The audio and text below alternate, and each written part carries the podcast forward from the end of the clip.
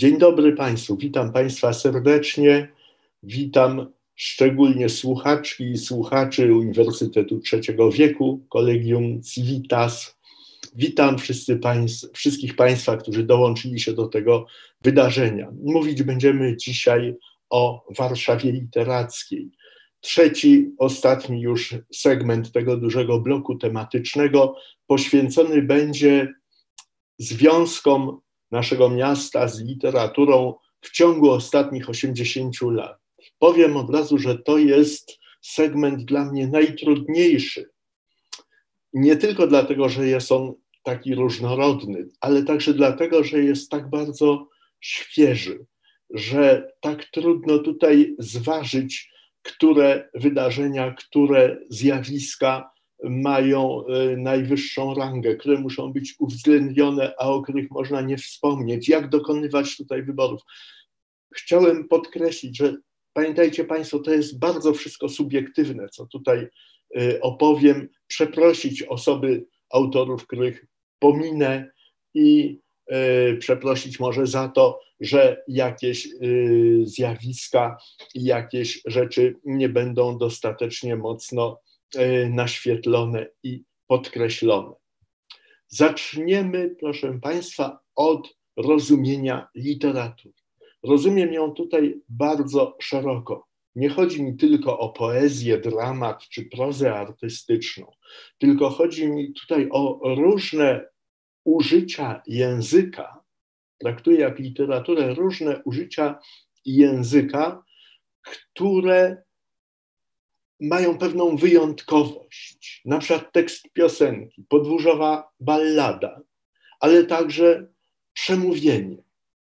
Jeżeli to przemówienie na przykład ma przekazać jakieś wyjątkowe treści, to wymaga wyjątkowej ekspresji językowej. To jest zupełnie inne użycie języka niż na przykład jak w sklepie mówimy poproszę pół kilo pasztetowej. Tak? Tutaj literatura rozszerza swoje granice do wszystkich użyć języka, którym nadajemy jakąś wyjątkowość. I druga rzecz to jest kolejność przedstawianych zjawisk. Jako historyk trzymam się przede wszystkim chronologii, z takim przekonaniem, że zjawiska wcześniejsze wyprzedzają zjawiska późniejsze. Zjawiska wcześniejsze stają się przyczynami zjawisk późniejszych. Ale w historii literatury czy w historii kultury jest tak, że pojawiają się zjawiska wyprzedzające swoją epokę, zjawiska antycypujące coś, co nastąpi w przyszłości. I w takim wypadku, tutaj w kilku miejscach, pozwalam sobie na złamanie tego toku chronologicznego na rzecz wewnętrznej logiki narracji. Proszę Państwa, tyle wstępu, przejdźmy już do rzeczy. Segment pierwszy dzisiejszego wykładu Wojna i okupacja. 1 września 1939 zaczęła się w dziejach narodu polskiego nowa epoka. Widzimy tutaj to Morze Ruin, to jest fotografia fragmentu śródmieścia powrześniowej Warszawy. Po blisko miesięcznej bohaterskiej obronie miasto skapitulowało. A głosem tego miasta był głos jego prezydenta, który codziennie, czasem dwa razy dziennie przemawiał przez radio takim charakterystycznym, nieco ochrypłym, bardzo zmęczonym głosem, podziwiając postawę warszawiaków i zagrzewając do dalszego oporu. Co ciekawe, Stefan Starzyński, proszę Państwa, nie był prezydentem demokratycznie wybranym. To był prezydent komisaryczny. I nawet bym powiedział, że w kręgach najbardziej lewicowych przed wojną on był nielubiany, ponieważ prowadził na przykład zwolnienia grupowe w komunikacji miejskiej, tak zwane ruki Starzyńskiego. Jednak jego postawa i miejsce, jakie zajął w historii właśnie po 1 września 1939 roku, przekreśliły tamte inne rzeczy i pamiętamy w tej chwili o bohaterskim prezydencie. 23 września 1939 roku Starzyński mówił tak. Chciałem, by Warszawa była wielka. Wierzyłem, że wielką będzie. Ja i moi współpracownicy kreśliliśmy plan. Robiliśmy szkice wielkiej Warszawy przyszłości. I Warszawa jest wielka. Prędzej to nastąpiło niż przypuszczaliśmy. Nie za lat 50, nie za 100, lecz dziś widzę wielką Warszawę. Gdy teraz do Was mówię, widzę ją przez okna w całej wielkości i chwale, otoczoną kłębami dymu, rozczerwienioną płomieniami ognia, wspaniałą, niezniszczalną, wielką, walczącą Warszawę. I choć tam, gdzie miały być wspaniałe sierocińce, gruzy leżą, choć tam, gdzie miały być parki, dziś są barykady gęsto trupami pokryte, choć płoną nasze biblioteki, choć palą się szpitale, nie za lat 50, nie za 100. Lecz dziś Warszawa broniąca honoru Polski jest u szczytu swej wielkości i chwały. Proszę Państwa, to przemówienie radiowe, czy to nie jest fantastyczna literatura? Oczywiście, że jest. I takim echem odbijała się też w świecie. Jeden z najwybitniejszych skamandrytów, Jan Lechoń, napisał wiersz, pieśń o Stefanie Starzyńskim, w którym postawę bohaterskiego prezydenta porównuje do heroicznych czynów bohaterów romantycznych. Kawałek tylko przeczytam, fragmencik z pieśni Jana Lechonia. Powiedział: Nie ustąpię, niech te domy płoną, niech dumne moje dzieła na proch się rozpękną. I cóż, że z marzeń moich wszystkich rośnie cmentarz, ale ty, co tu przyjdziesz kiedyś, zapamiętasz, że jest coś pięk piękniejszego niźli murów piękno. Proszę Państwa, kapitulacja Warszawy, uwięzienie Starzyńskiego, zamordowanie go przez Niemców w grudniu 1939 roku i trudne prawie sześć lat realiów okupacyjnej y, Warszawy. Polakom udało się przetrwać udało się przetrwać między innymi dlatego, że towarzyszyła im właśnie literatura, ale nie oszukujmy się, najszerszym kręgom społecznym towarzyszyła literatura popularna. I tutaj pierwszy raz już łamie zasadę chronologii, pokazując plakat filmu Zakazane piosenki.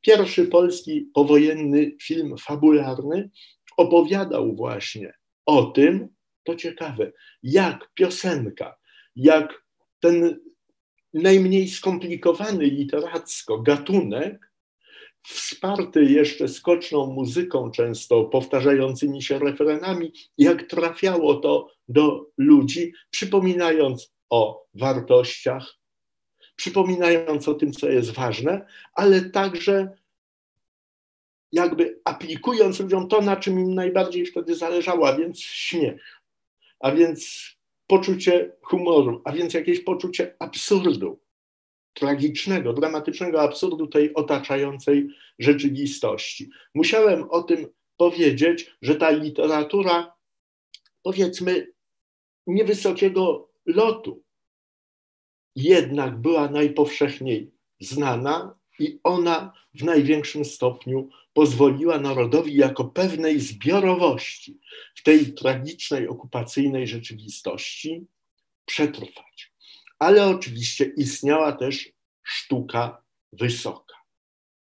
Proszę Państwa, pokolenie 1920 roku, nazywane czasem pokoleniem Kolumbów, osobiście nie lubię tej nazwy, bo wywodzi się ona z tytułu powieści słabej powieści, w sumie słabego y, pisarza i ta nazwa jest trochę bezsensowna. Sam używam zawsze y, określenia pokolenia, pokolenia wojennego.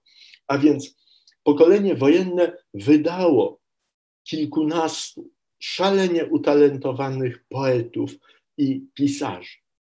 Studiowali oni najczęściej polonistykę na podziemnym Uniwersytecie Warszawskim, natomiast większość z nich skupiona była wokół takiego pisma literackiego, które się nazywa sztuka, które się nazywało Sztuka i Naród.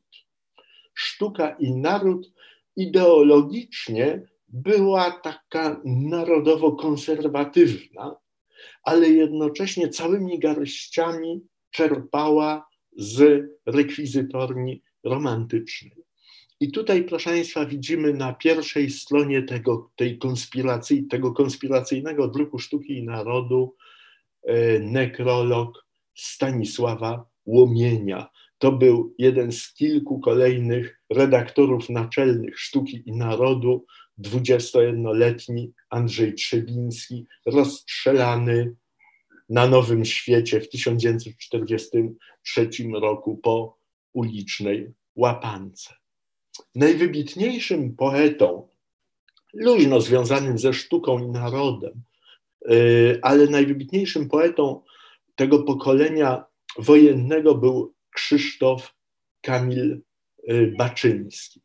Warszawiak, y, absolwent liceum imienia Stefana Batorego, harcerz, żołnierz Armii Krajowej, poległ na samym początku powstania warszawskiego.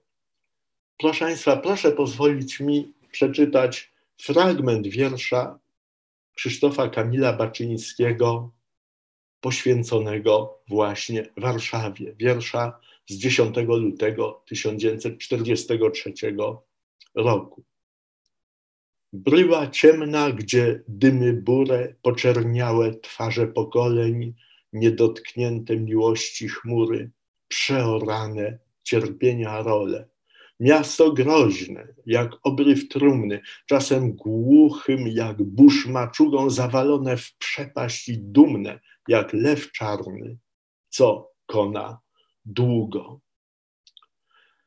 Krzysztof Kamil Baczyński zginął, e, jak powiedziałem, w pierwszych dniach powstania 4 sierpnia 1944 roku przy placu teatralnym na zrekonstruowanym budynku, w którym walczył, umieszczona jest obecnie tablica pamiątkowa. Proszę Państwa, Umszlakplatz. To jest inny rozdział literackiej Warszawy okresu wojny i okupacji. I to jest w ogóle inny rozdział, inne jakby oblicze y, tej tragedii, jaka się wydarzyła w latach okupacji. Zagłada, Holokaust. To jest po prostu niewyobrażalne. Na tym obrazku widzimy ulicę Nalewki Róg Długiej. Po lewej stronie budynek Arsenału, który istnieje do dzisiaj. Ale tej pierzei kamienic z prawej strony nie ma w ogóle. Nie istnieje. To tam są trawniki, jakieś skwery, jakieś drzewka. Tylko ulica, która nosi dzisiaj nazwę taką taką, nie powiem, że dziwną, ale taką nazwę nijaką, bohaterów getta, czyli dawna ulica Nalewki, wybrukowana granitową kostką i te biegnące donikąd tory tramwajowe, które zostały.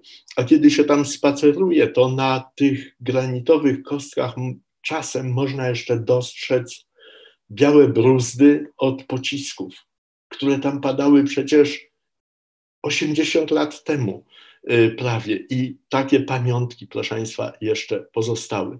Tak wygląda ulica Nalewki dzisiaj właśnie. Widzimy tutaj ścianę arsenału, wschodnią ścianę arsenału i te tory tramwajowe zagłębione w granitowej kostce.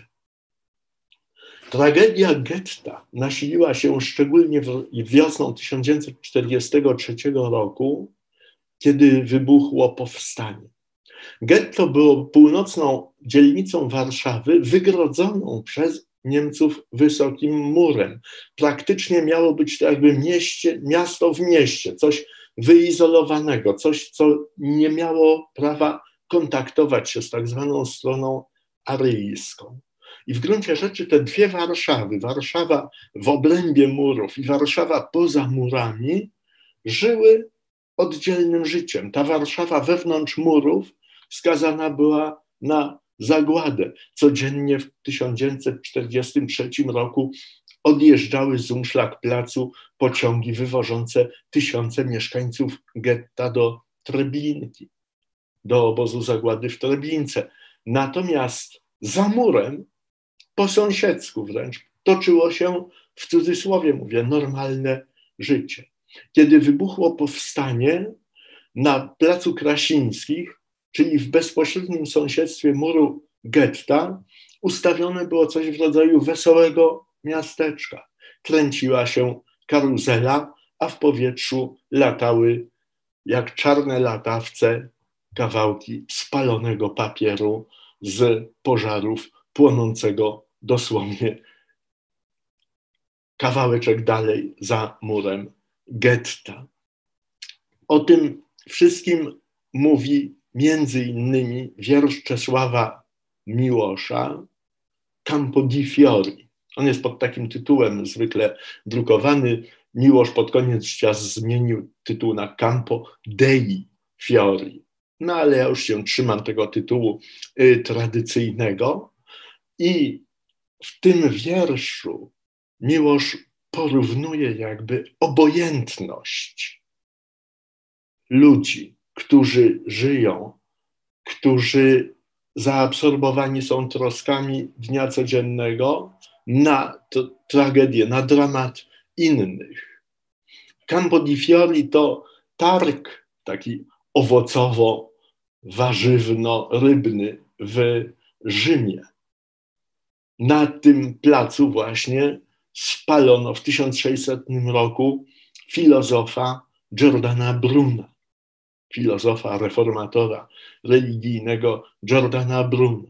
Miłosz wyobraża sobie, jak tłumy Rzymian mijały obojętnie stos, na którym płonął ten odważny intelektualnie człowiek. I łączy to z wesołą zabawą warszawiaków na Placu Krasińskich podczas powstania w getcie. Czasem wiatr z domów płonących przyniósł czarne, przynosił czarne latawce.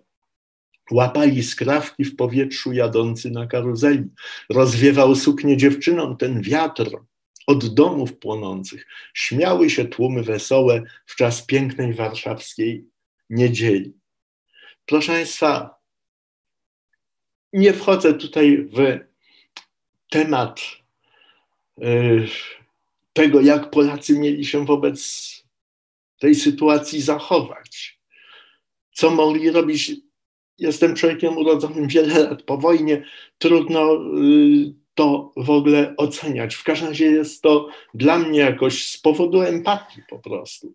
Jest to dla mnie niezwykle trudne. Ja sobie to porównuję, może głupio, z taką sytuacją, że gdyby na przykład w moim domu wydarzyła się jakaś zbrodnia, ktoś by mnie napadł, ktoś by skrzywdził członków mojej rodziny, to po prostu mi by się z tym bardzo źle żyło dalej. Proszę Państwa, najbardziej chyba znanym elementem warszawskiego Holokaustu y, są losy kompozytora, pianisty, artysty Władysława Szpilmana. Szpilmanu Szpilmanowi udało się przeżyć. Kiedy Niemcy zaczęli likwidować getto, przedostał się na aryjską stronę i tutaj nawet już po powstaniu warszawskim udało mu się przetrwać w gronie tych stu innych rozrzuconych po ruinach Robinsonów warszawskich przy pomocy także Niemca Hosenfelda. E, przetrwał w kamienicy istniejącej do dzisiaj w Alejach Niepodległości. Tam jest umieszczona ta piękna tablica pamiątkowa z komponowaną jakby w nią klawiaturą fortepianu.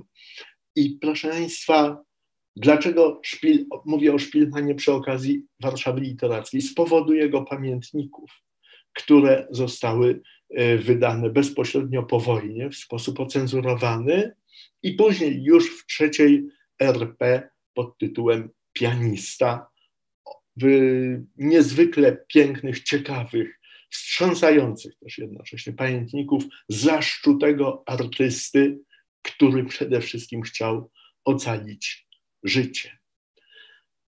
Proszę Państwa, powiedziałem tutaj wiele zdań o społeczności polskiej pochodzenia żydowskiego, ale przecież Polakom okupanci zgotowali nie lepszy los.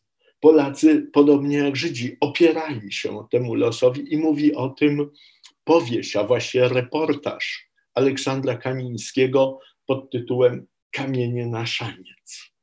Tytuł zaczerpnięty z wiersza Testament Juliusza Słowackiego, a sama książka mówi o losach kilku młodych przyjaciół, harcerzy, przyjaciół Aleksandra Kamińskiego, którzy tę najwyższą ofiarę, ofiarę ze swojego życia i ofiarę ze swojego możliwego szczęścia oddali, żeby bronić wartości, które były cenniejsze dla nich niż życie. Przepraszam, że ja mówię tak patetycznie, ale nie znajduję tutaj na to innego języka.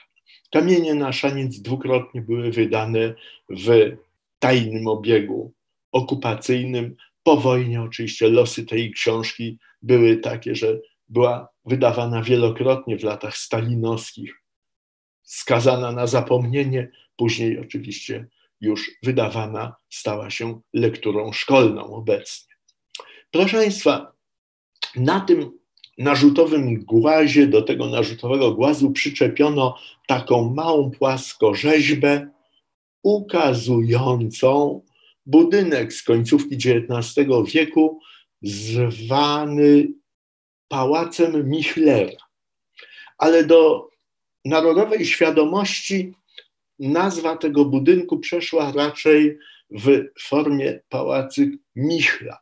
A to dzięki piosence, jaką napisał jeden z powstańców warszawskich, Józef Szczepański, posługujący się pseudonimem Ziutek, która to piosenka, może chyba tak można powiedzieć, stała się jednym z hymnów powstania warszawskiego, która o bohaterstwie tych młodych chłopców, najczęściej nieuzbrojonych, mających tylko swoją odwagę i wysokie morale naprzeciwko doświadczeniu wojennemu i uzbrojeniu hitlerowców.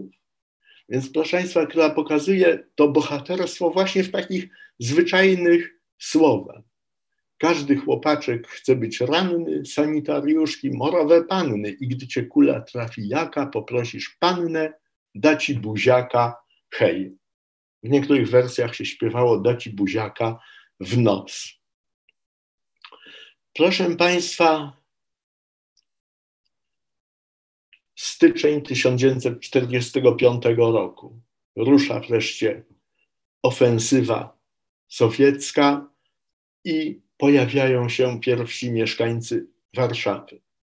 Mam mówić o Warszawie literackiej, ale czasem literatura najmocniej mówi właśnie bez słów. Czasem obraz, czy grafika, czy jakieś przedstawienie plastyczne mówi więcej niż jakiś długi elaborat, niż jakiś wiersz albo powieść. Ja osobiście bardzo się czuję związany z twórczością plastyczną Bronisława Linkego. Ten artysta żyjący w latach 1906-1962 narysował cykl właśnie takich rysunków o krzyczących murach i na jednym z tych y, rysunków widzimy taki mur zerwany, z jakimiś widać tam pręty jakieś zbrojeniowe u góry. Ten mur pochyla się troskliwie nad klęczącym w geście rozpaczy człowiekiem.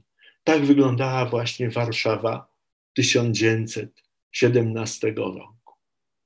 Przepraszam, Warszawa 1945 roku, po 17 stycznia.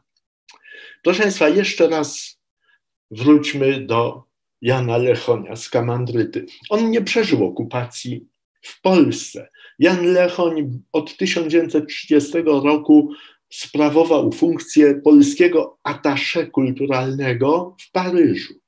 Tam zastał go wybuch wojny i tam przebywał do roku 1940, kiedy Francja padła, przedostał się do Hiszpanii, później przez Portugalię, do Brazylii. W Brazylii jakiś czas mieszkał razem z Julianem Tuwimem, a później do Stanów Zjednoczonych zamieszkał w Nowym Jorku i tam już mieszkał do chwili swojej samobójczej śmierci w 1956 roku.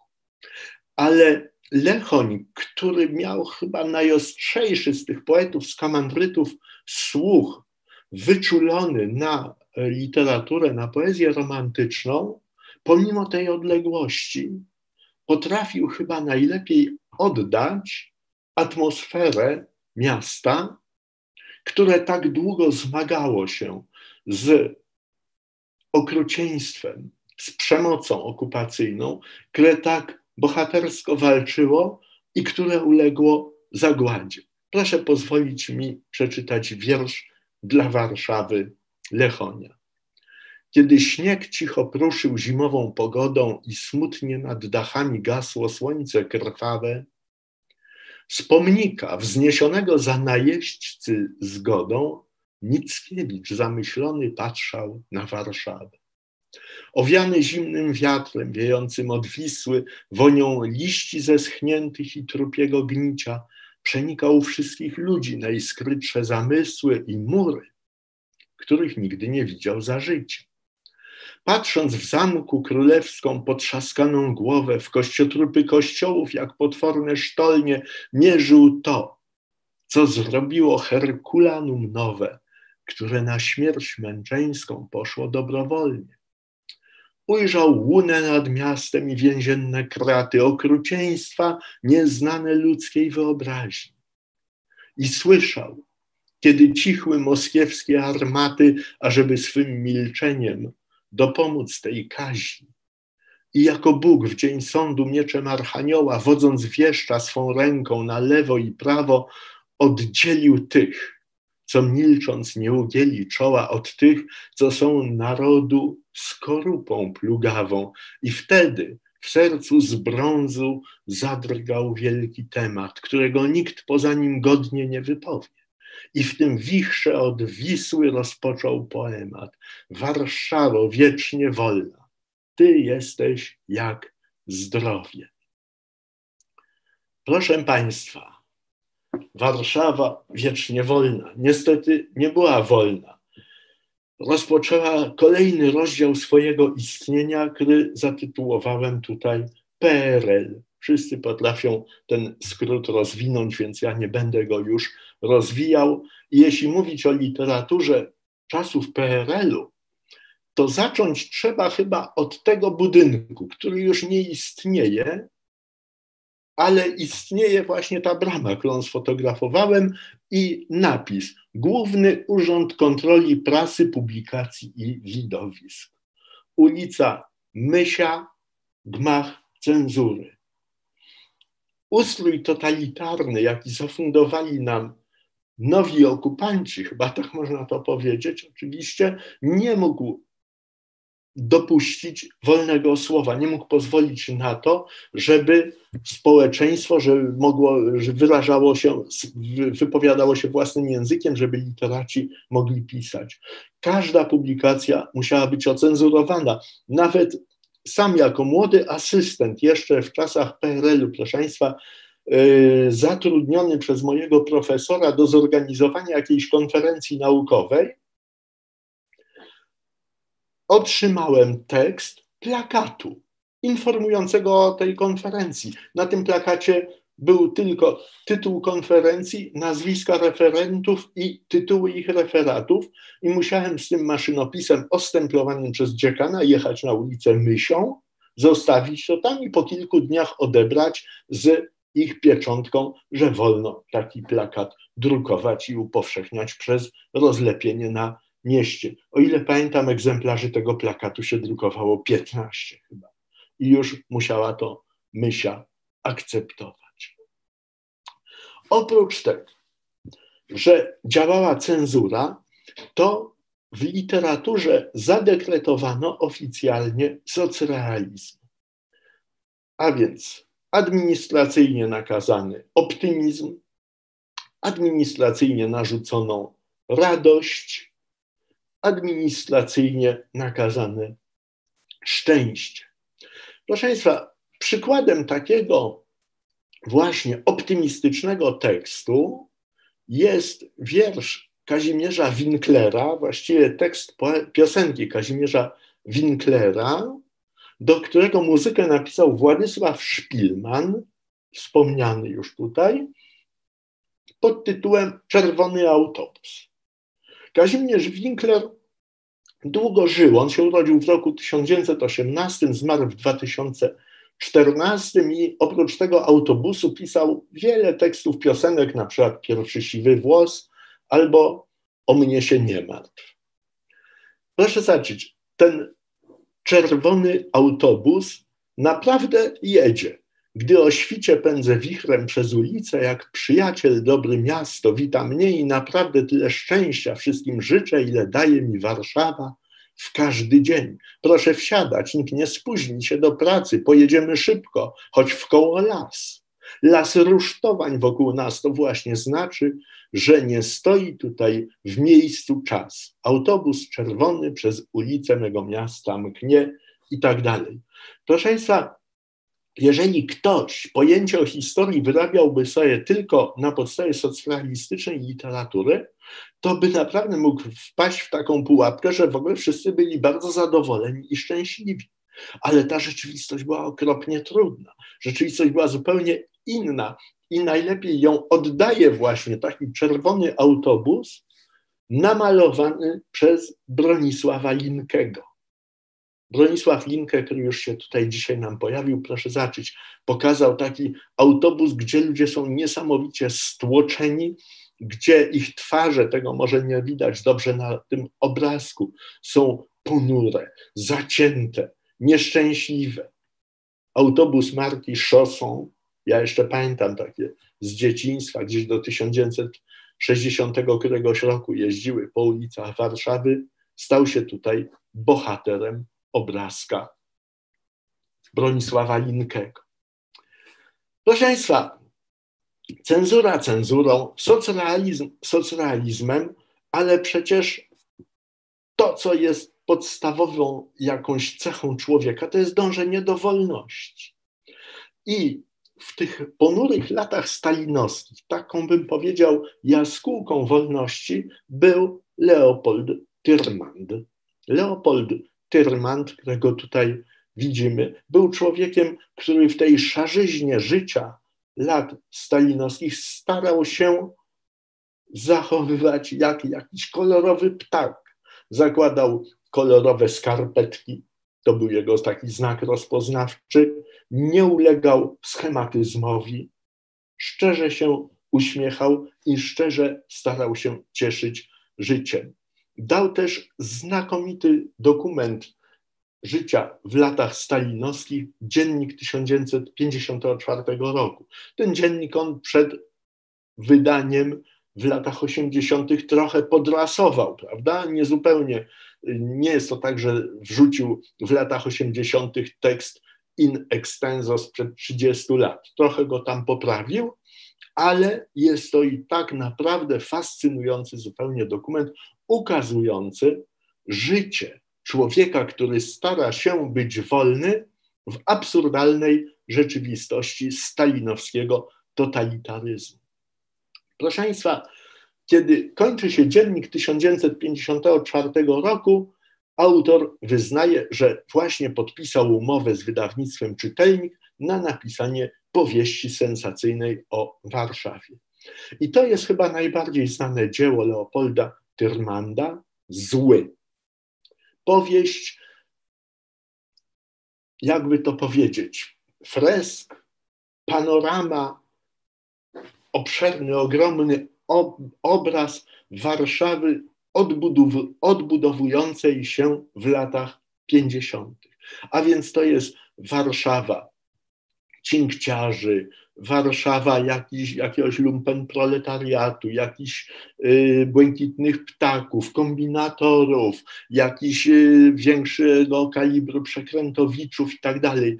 To jest, jak powiedziałem, fresk. Nawet w pewnym momencie porównywano złego Tyrmanda z lalką Prusa.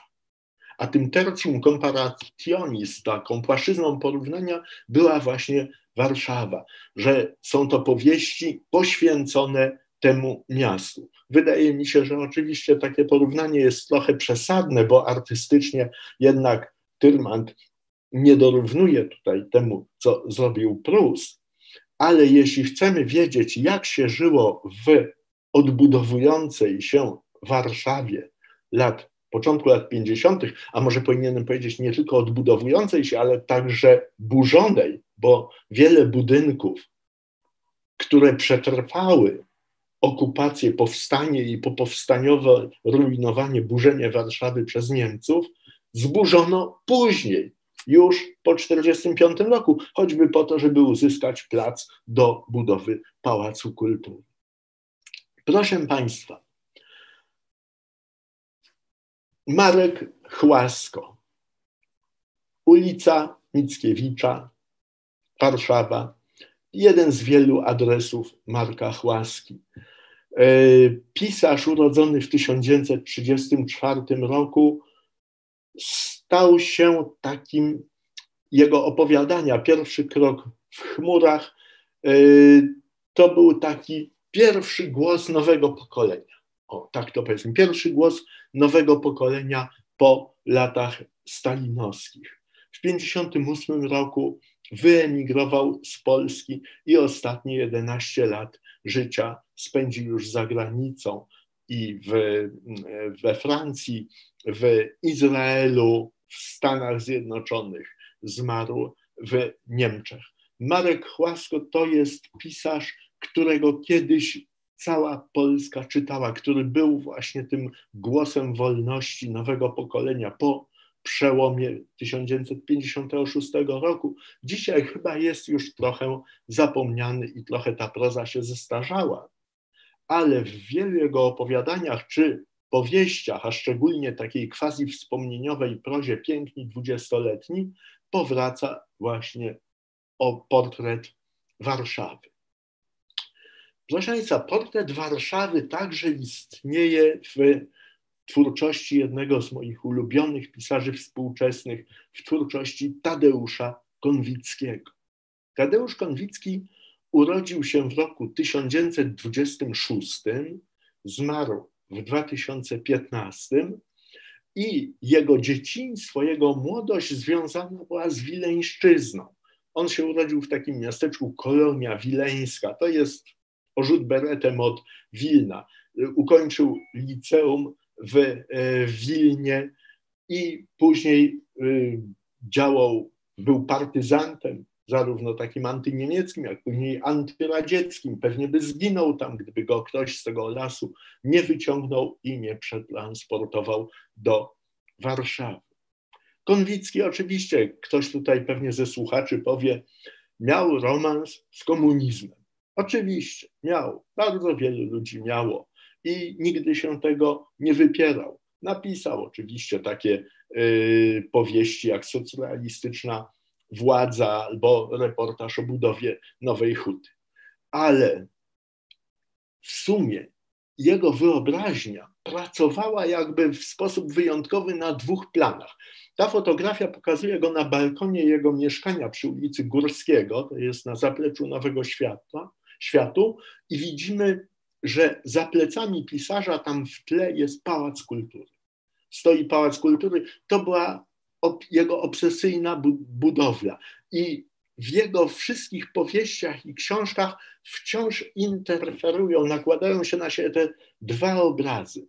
Wspomnienie kraju lat dziecinnych, wspomnienie kolonii wileńskiej, Wilejki i tego rejonu e, podwileńskiego, czy samego miasta Wilna oraz Warszawy, w której tkankę jak gwóźdź wbity był Pałac Kultury.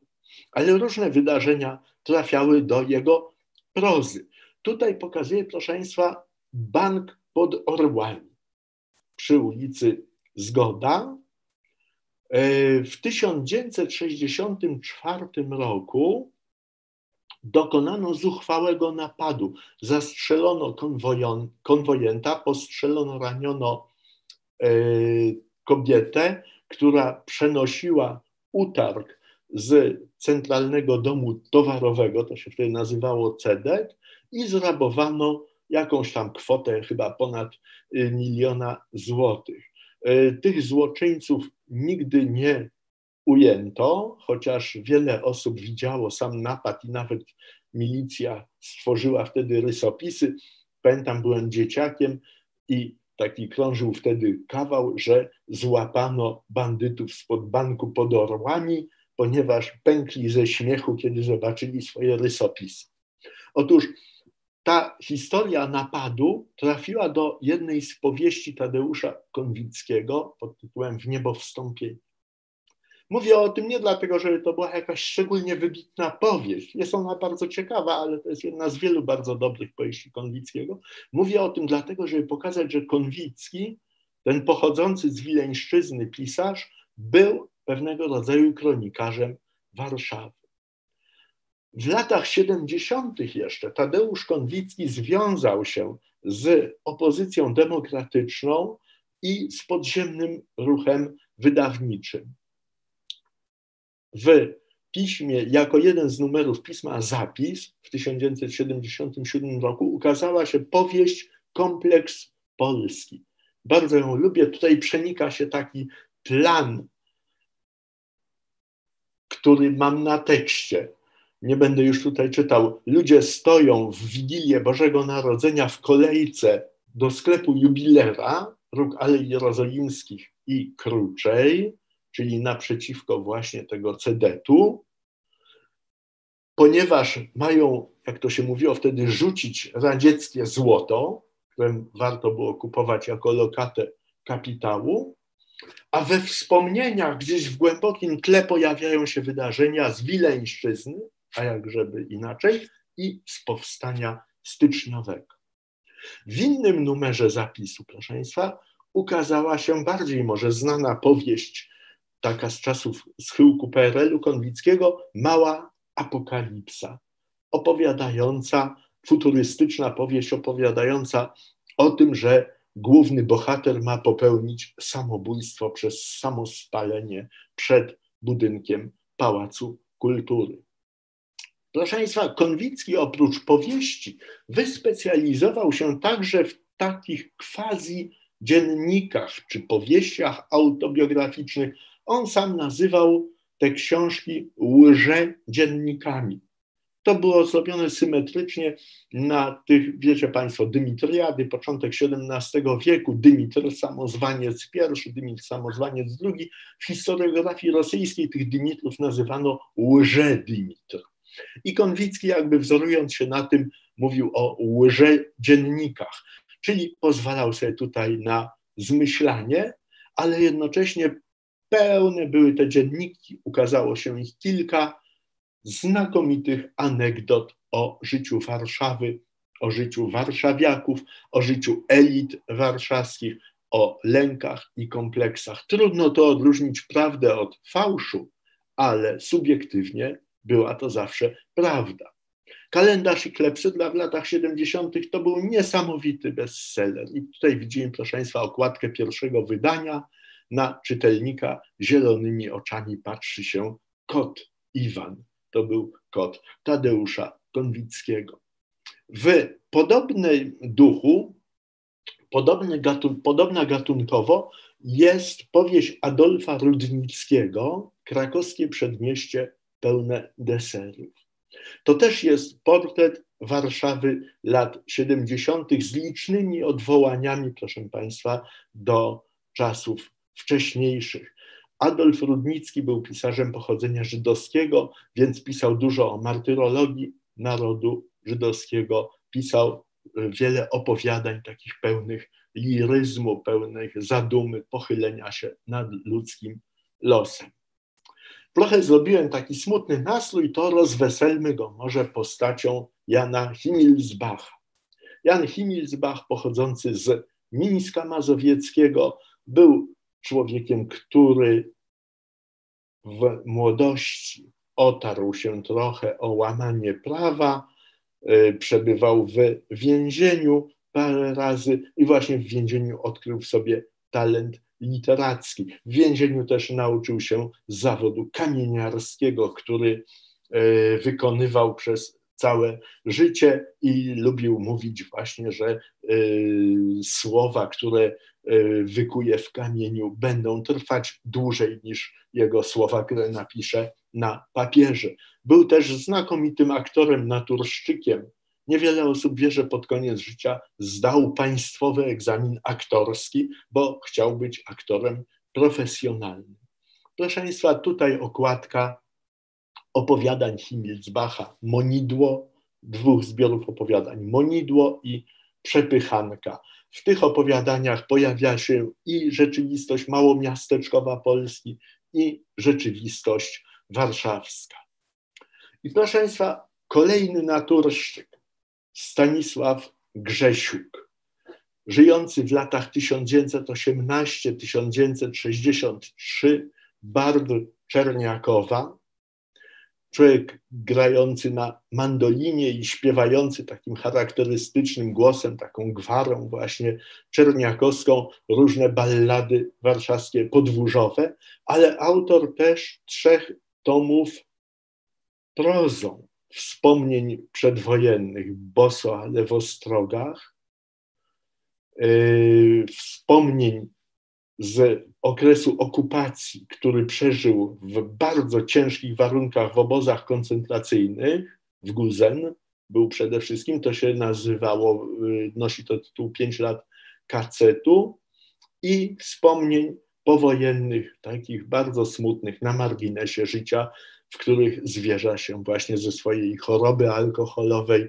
i z niemożności odnalezienia się w tej nowej rzeczywistości. Grzesiuk zmarł w 1963 roku. Proszę Państwa, Grzesiuk nie umiałby inaczej śpiewać niż śpiewał, ale na pewno inaczej pisać umiałby Wiech, czyli Stefan Wiechecki, nazywany Homerem Warszawskim. Człowiek, który żył w latach 1896 do 1979 jeszcze przed wojną. Wiech, który utrzymywał się, prowadząc sklep ze słodyczami na placu Kercelego, dzisiaj to jest właściwie martwe skrzyżowanie, natomiast przed wojną to było miejsce targowe, tętniące życiem w dzień i w noc, więc Wiechecki y, z jednej strony handlował tymi słodyczami na Kercelaku, a z drugiej strony pisał opowiadania w których swoje mądrości życiowe wyrażali tacy bohaterowie jak Teofil Piecyk, jak Walery Wątróbka i jego żona Gienia. Proszę Państwa, skoro już jesteśmy przy pisarzach wykształconych, to spójrzmy na Mirona Białoszewskiego. Wybitny poeta, ale także bym powiedział maniak teatru. We własnym mieszkaniu założył teatr, który nazwał teatrem osobnym i wystawiał tutaj króciusieńkie takie mikroformy dramatyczne ze swoimi przyjaciółmi, które z jednej strony nie chcę tego bardzo spłaszczyć, a nie da się tego spłaszczyć mówiąc krótko, które jakby żywiły się absurdalnością życia, odbitą w absurdalności języka. Tak to nazwijmy. Y, kariera teatru osobnego, który między innymi miał siedzibę przy ulicy Tarczyńskiej na Ochocie, miała zasięg międzynarodowy. Wtedy domina, dominantą taką estetyczną w kulturze europejskiej był egzystencjalizm i do kamienicy natarczyńskiej, żeby w celu obejrzenia właśnie przedstawień Białoszewskiego zjeżdżali ludzie, można powiedzieć, z całego świata. Najbardziej znanym widzem chyba był Jean-Paul Sartre, który specjalnie przyjechał do Warszawy, żeby obejrzeć przedstawienie Białoszewskiego. Ale Białoszewski, proszę Państwa, to oczywiście oprócz tego, że był poetą, oprócz tego, że prowadził teatr osobny, był dramaturgiem, jest też autorem bardzo ciekawego dokumentu zatytułowanego Pamiętnik z Powstania Warszawskiego. W zalewie różnych wspomnień martyrologicznych i wojskowych pisanych przez powstańców brakowało tekstu, który by pokazywał powstanie, opowiadał o tym epizodzie wojennej Warszawy z punktu widzenia cywila. I właśnie taką rolę spełnia pamiętnik z powstania warszawskiego. Niezwykła, niesamowita i bardzo ciekawa narracja, w której właśnie nie ma miejsca na ten mit heroiczny, natomiast pokazuje się, w jaki sposób człowiek mógł szukać ocalenia w tych tragicznych, gorących dniach sierpnia i września 1944 roku. Proszę Państwa, skoro już jesteśmy przy poetach, to nie mogę nie przywołać Zbigniewa Herberta. Poeta urodzony w Lwowie, przez całe dorosłe życie związany z Warszawą. Jeden z niewielu ludzi, o których można powiedzieć, że byli krystaliczni. Nie związał się, nigdy nie próbował nawet romansować z władzą ludową.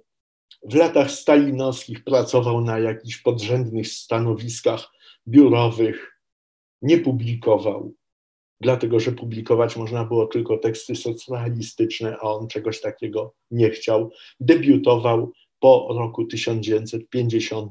1956. I proszę Państwa, przywołuję tutaj wiersz Herberta pod tytułem Prolog, wiersz pochodzący z jego czwartego tomu zatytułowanego Napis, ponieważ Herbert, który był znany z takiej klasycystycznej powściągliwości, z takiego wyciszenia swojego języka, z poszukiwania takiej formuły właśnie najbardziej precyzyjnej. Nazywany był często też takim klasykiem współczesnej y, poezji polskiej. Odwołując się do formy antycznej tragedii, i to takiej najwcześniejszej, jeszcze sprzedaj Schylosa z jednym aktorem i z chórem, mówi o Warszawie jako pewnym depozycie duchowym.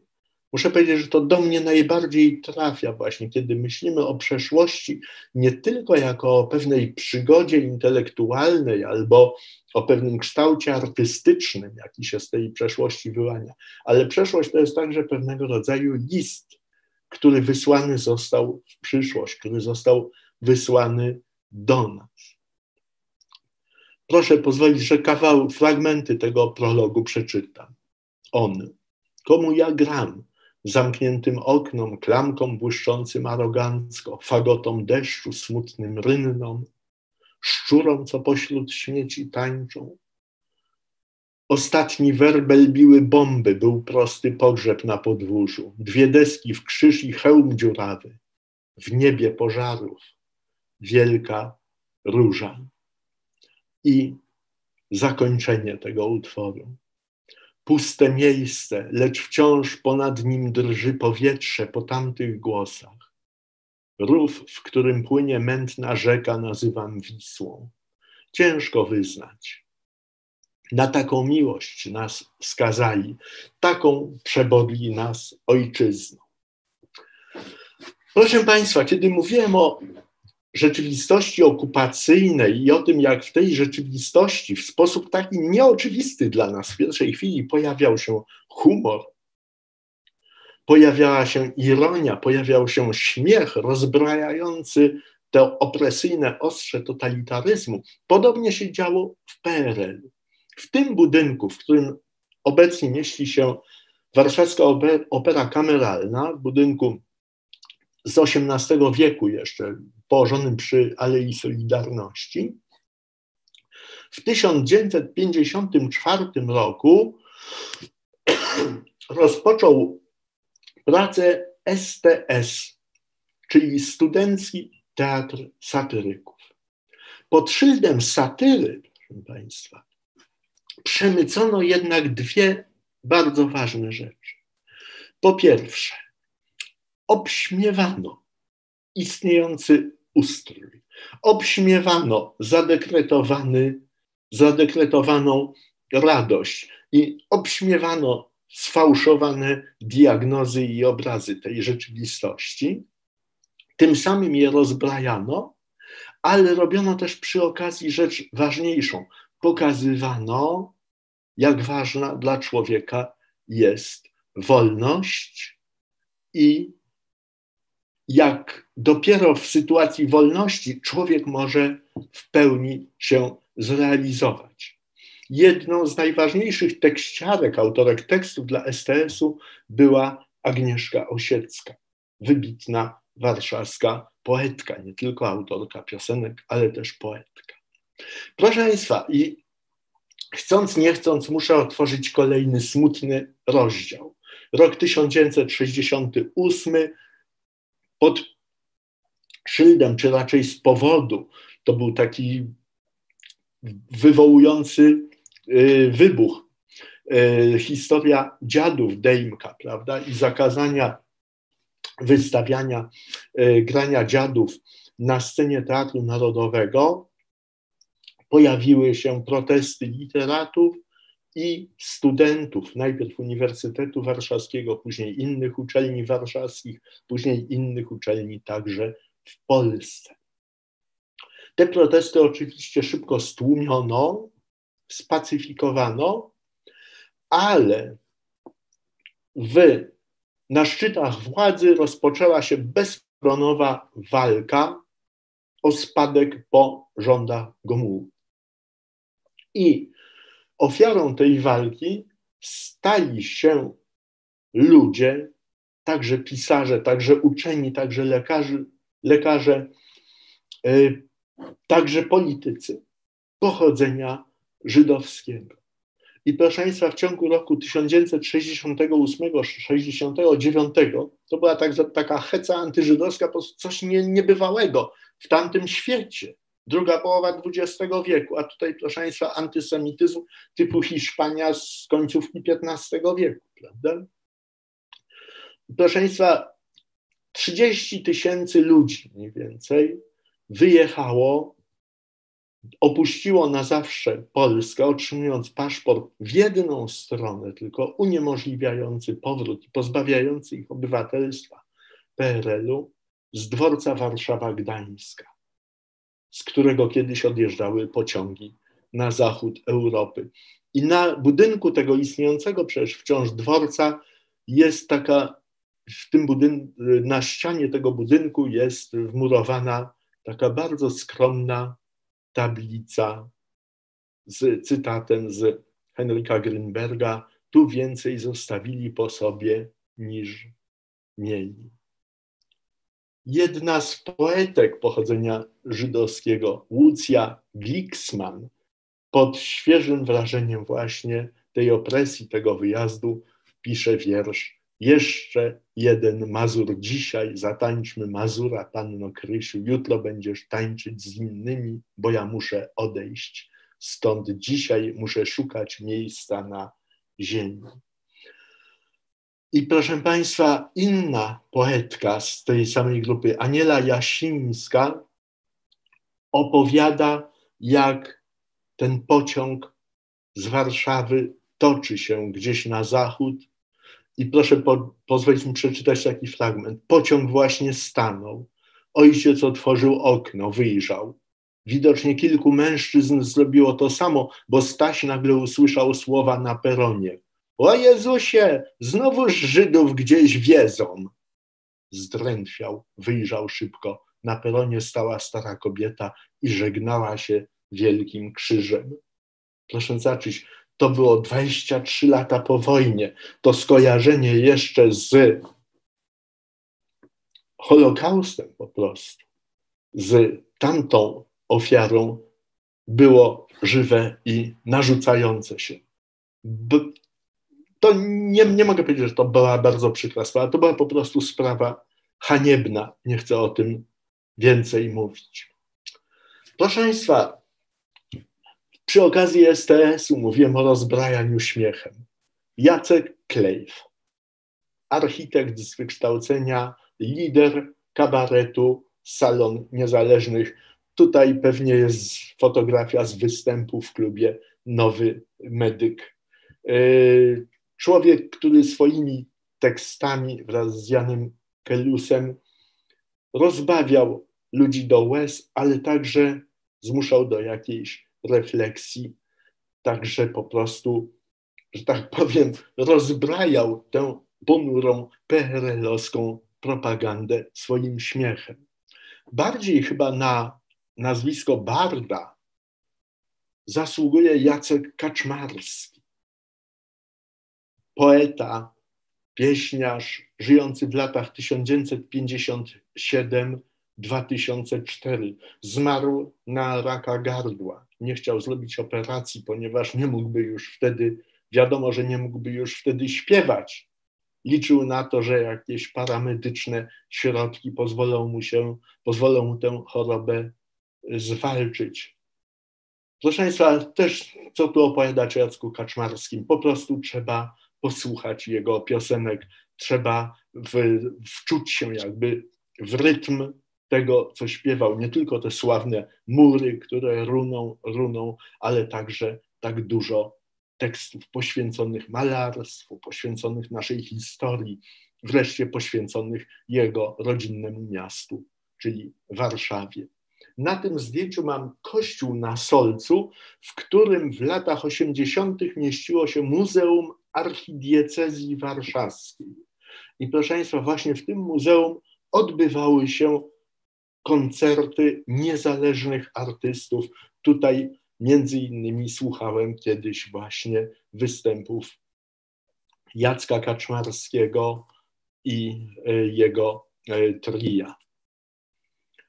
Proszę Państwa, a tu już jesteśmy na skwerze przy krakowskim przedmieściu, przed kościołem sióstr wizytek, ławeczka księdza Jana Twardowskiego.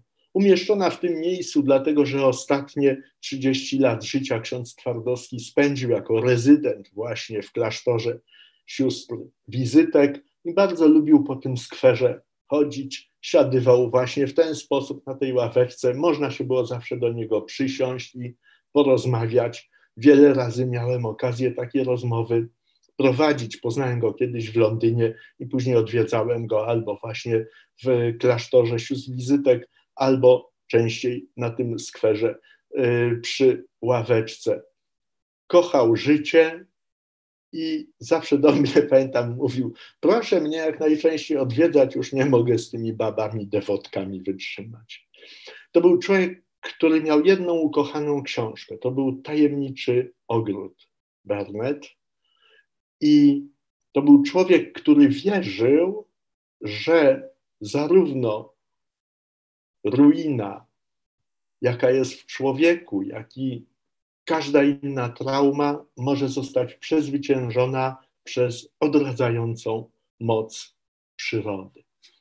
I proszę Państwa, skoro jestem przy księżowskich tematach i kościelnych, to spójrzmy na ten ołtarz zaprojektowany w 1979 roku przez Jerzego Kalinę, czyli tego samego artystę, który zaprojektował schody smoleńskie, moim zdaniem nieszczęsne. Tutaj ten ołtarz jednak no to jest jakby inna klasa wyobraźni artystycznej. Sławna homilia Jana Pawła II z 2 czerwca 1972 1909 roku. Władze partyjne nie zgodziły się wtedy na przyjazd papieża w kwietniu 1979 roku, czyli mniej więcej pół roku po wyborze, i połączenie tej wizyty z 900. rocznicą zabicia biskupa Stanisława ze Szczepanowa przez króla Bolesława Śmiałego. Tamto starcie było jakby symbolem walki pomiędzy władzą świecką a władzą kościelną. Oczywiście to wszystko było potworne uproszczenia, bo tak naprawdę w średniowieczu cały świat był praktycznie kościelny, prawda? I to było takie wewnętrzne tarcie. Ponieważ władze nie zezwoliły na tę wizytę w takim terminie, żeby właśnie nie aktywować jakichś treści politycznych przez nawiązania do historii sprzed dziewięciu wieków, wizyta się odbyła w czerwcu. A jej centralnym punktem była niedziela zesłania Ducha Świętego. No coś arcyreligijnego, coś w ogóle niewkomponowanego w politykę, prawda? I, I proszę pamiętać, w tej homilii właśnie papież opowiadając o dziejach Warszawy, pisząc, wspominając, jak konała w 1944 roku, jak dziś to pamiętam, więc opuszczona przez sprzymierzone potęgi, papież kończy to tymi słowami: Niech zstąpi duch Twój i odnowi oblicze ziemi, tej ziemi. I chociaż to był rok 79, to był rok na rok przed Solidarnością, na 10 lat przed upadkiem komunizmu w Polsce, to właściwie w sensie moralnym, ideowym, ten totalitarny ustrój już wtedy był przegrany, już wtedy upadł. I to było kolejne moje pogwałcenie chronologii. Przejdźmy do trzeciej Rzeczpospolitej, do naszej współczesności. Proszę Państwa, na początku pokazuje zespół Tilaw. Muniek Staszczyk pochodzi z Częstochowy, ale studia polonistyczne odbył na Uniwersytecie Warszawskim i jest teraz związany z Warszawą. Z 1989 roku pochodzi ich jedna z największych y, przebojów tego zespołu Tilaw Warszawa. Tam, gdzie się pojawiają te słowa, gdzie Hitler i Stalin zrobili co swoje, gdzie wiosna spaliną oddycha. To, proszę Państwa, jest dla mnie takie symboliczne otwarcie trzeciej RP właśnie w piosence. W ogóle ciekawe to jest, takiego mam świetnego y, kolegę. Byliśmy na jednym roku studiów polonistycznych, wybitny krytyk literacki Piotr Bratkowski on powiedział kiedyś, to jest, miał głęboko rację, że Warszawa ma dużo szczęścia do piosenki, na przykład piosenki właśnie Mieczysława Foga, czy Czesława Niemena, czy ta piosenka Muńka Staszczyka, a nie ma specjalnie szczęścia do literatury. I wydaje mi się, że miał tutaj dużo racji. Tym niemniej ta literatura warszawska istnieje i o tym chcę Państwu jeszcze parę minut opowiadać. Proszę Państwa, powieść Jacka Dukaja, najwybitniejszego chyba współcześnie żyjącego pisarza SF, y, pochodzącego z Tarnowa i do dzisiaj mieszkającego w Tarnowie, ta powieść wydana w 2007 roku opowiada historię alternatywną. Mianowicie w 1912 roku, jak meteoryt tunguski uderzył w Syberię, to na całej północnej półkuli w wyobraźni Dukaja powstaje jakby wieczna zmarzlina. Warszawa zostaje skuta lodem i ten cały obszar europejski. Nie wybucha pierwsza wojna światowa. Akcję lodu Dukaj osadził w roku 1924, a dzieje się ona w takiej wymyślonej, jakby alternatywnej Warszawie właśnie 1924 roku, w kolei transsyberyjskiej i w syberyjskim Irkucku. Alternatywną Warszawę pokazuje też Zygmunt Miłoszewski w wydanej w roku 2017 roku powieści pod tytułem Jak zawsze. Tutaj jest Warszawa z kolei, która nie uległa zniszczeniom w II wojnie światowej, która nie znajduje się w orbicie sowieckiej, tylko została zwasalizowana przez Francję. Pokryta jest innymi budowlami, inaczej toczy się w niej życie. Proszę Państwa, Andrzej Stasiuk, urodzony w 1860 roku w Warszawie, to pisarz, który Warszawę jako miejsce zamieszkania odrzucił.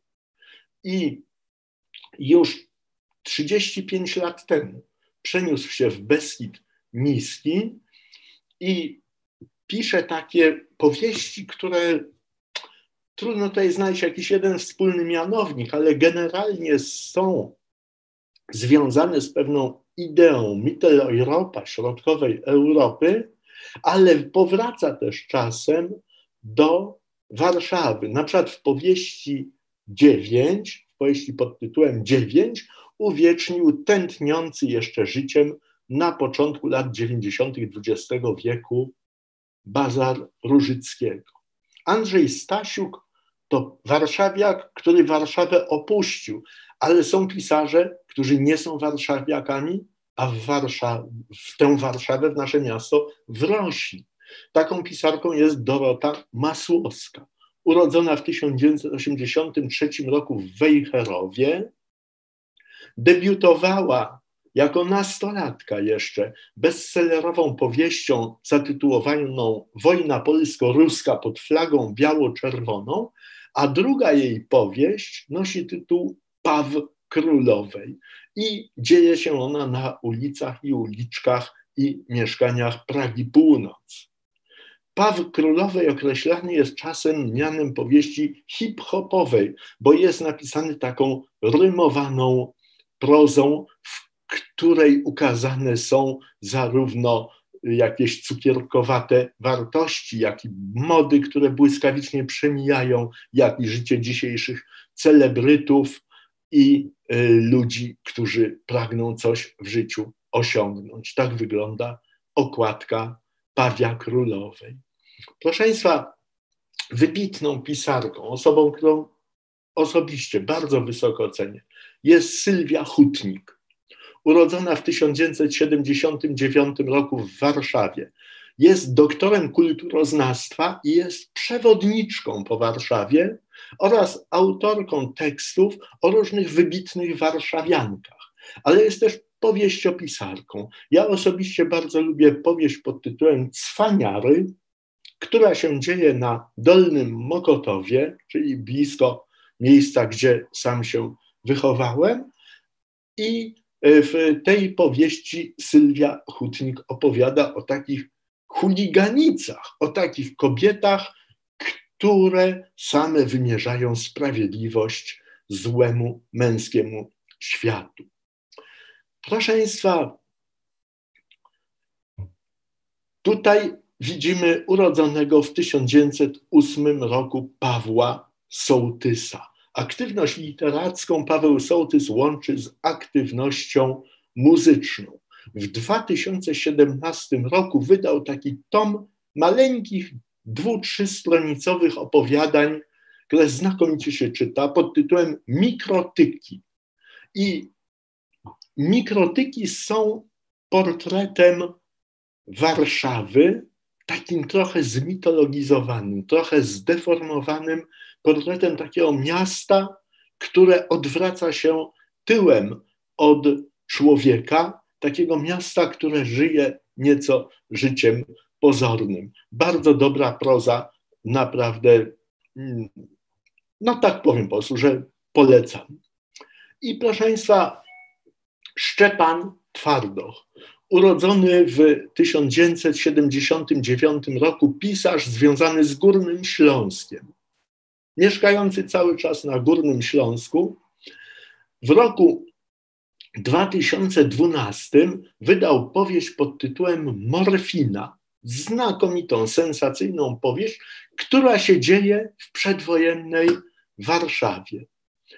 I proszę Państwa, yy, właśnie mieszkający, mieszkający w tutaj y, oficer jest morfinistą, a jednocześnie ma bardzo dużo różnych przygód. Wędruje po tej przedwojennej Warszawie 1939 roku w ostatnich miesiącach spokojnych przed wybuchem II wojny światowej.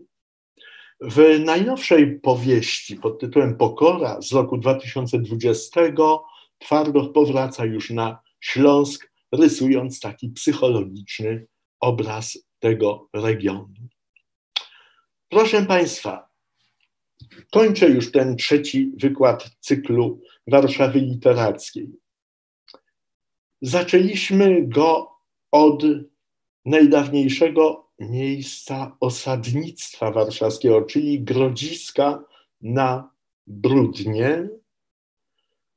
Mówiłem wtedy, wpadłem na taki koncept, yy, mówiłem o warszawiakach, którzy nie wiedzieli jeszcze, że są warszawiakami. Natomiast skończyć chciałem obrazem Białołęki, największego osiedla mieszkaniowego trzeciej RP w Warszawie, w którym osiedliły się dziesiątki tysięcy ludzi, wcześniej z Warszawą niezwiązanych. Nowych warszawiaków, czyli warszawiaków, którzy swą warszawską tożsamość dopiero muszą zbudować. I tutaj głęboko wierzę, że literatura o Warszawie, piosenka warszawska, słowo, które z Warszawą jest powiązane, pomoże im tę warszawską tożsamość zbudować. Bardzo dziękuję Państwu za uwagę.